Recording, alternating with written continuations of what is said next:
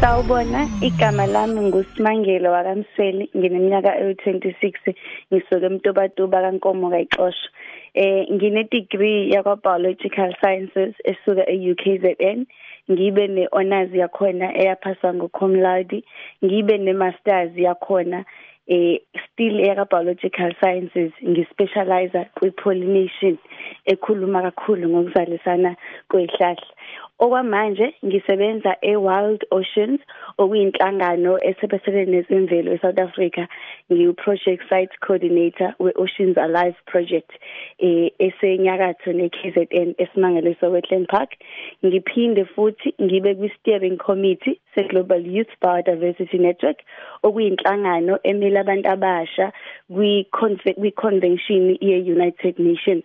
Leyo convention idume ngokuthi i Convention on Biological Diversity uCBD in short. Ngiphinde futhi ngibe uco-founder we South African Youth Biodiversity Network. Kulenhlangano sisiza kakhulu abantu abasha ukuthi bazi ngama policies ebiodiversity bekhona ukuthi nabo eh bebe involved ekwakhandeni bekhande nama projects amancane abaka conservation ukuze sibhekelele imvelo.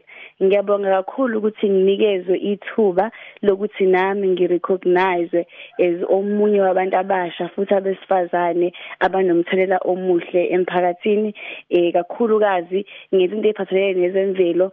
Ngiphinde ngenze kakhulu ukuphathelene ne-youth development eh either ukusiza abantu abasha bebe ne-access to i-education through ama-career events through ukuthi ngibasize ngoku-applya actually o-NSFAS no-CAO online.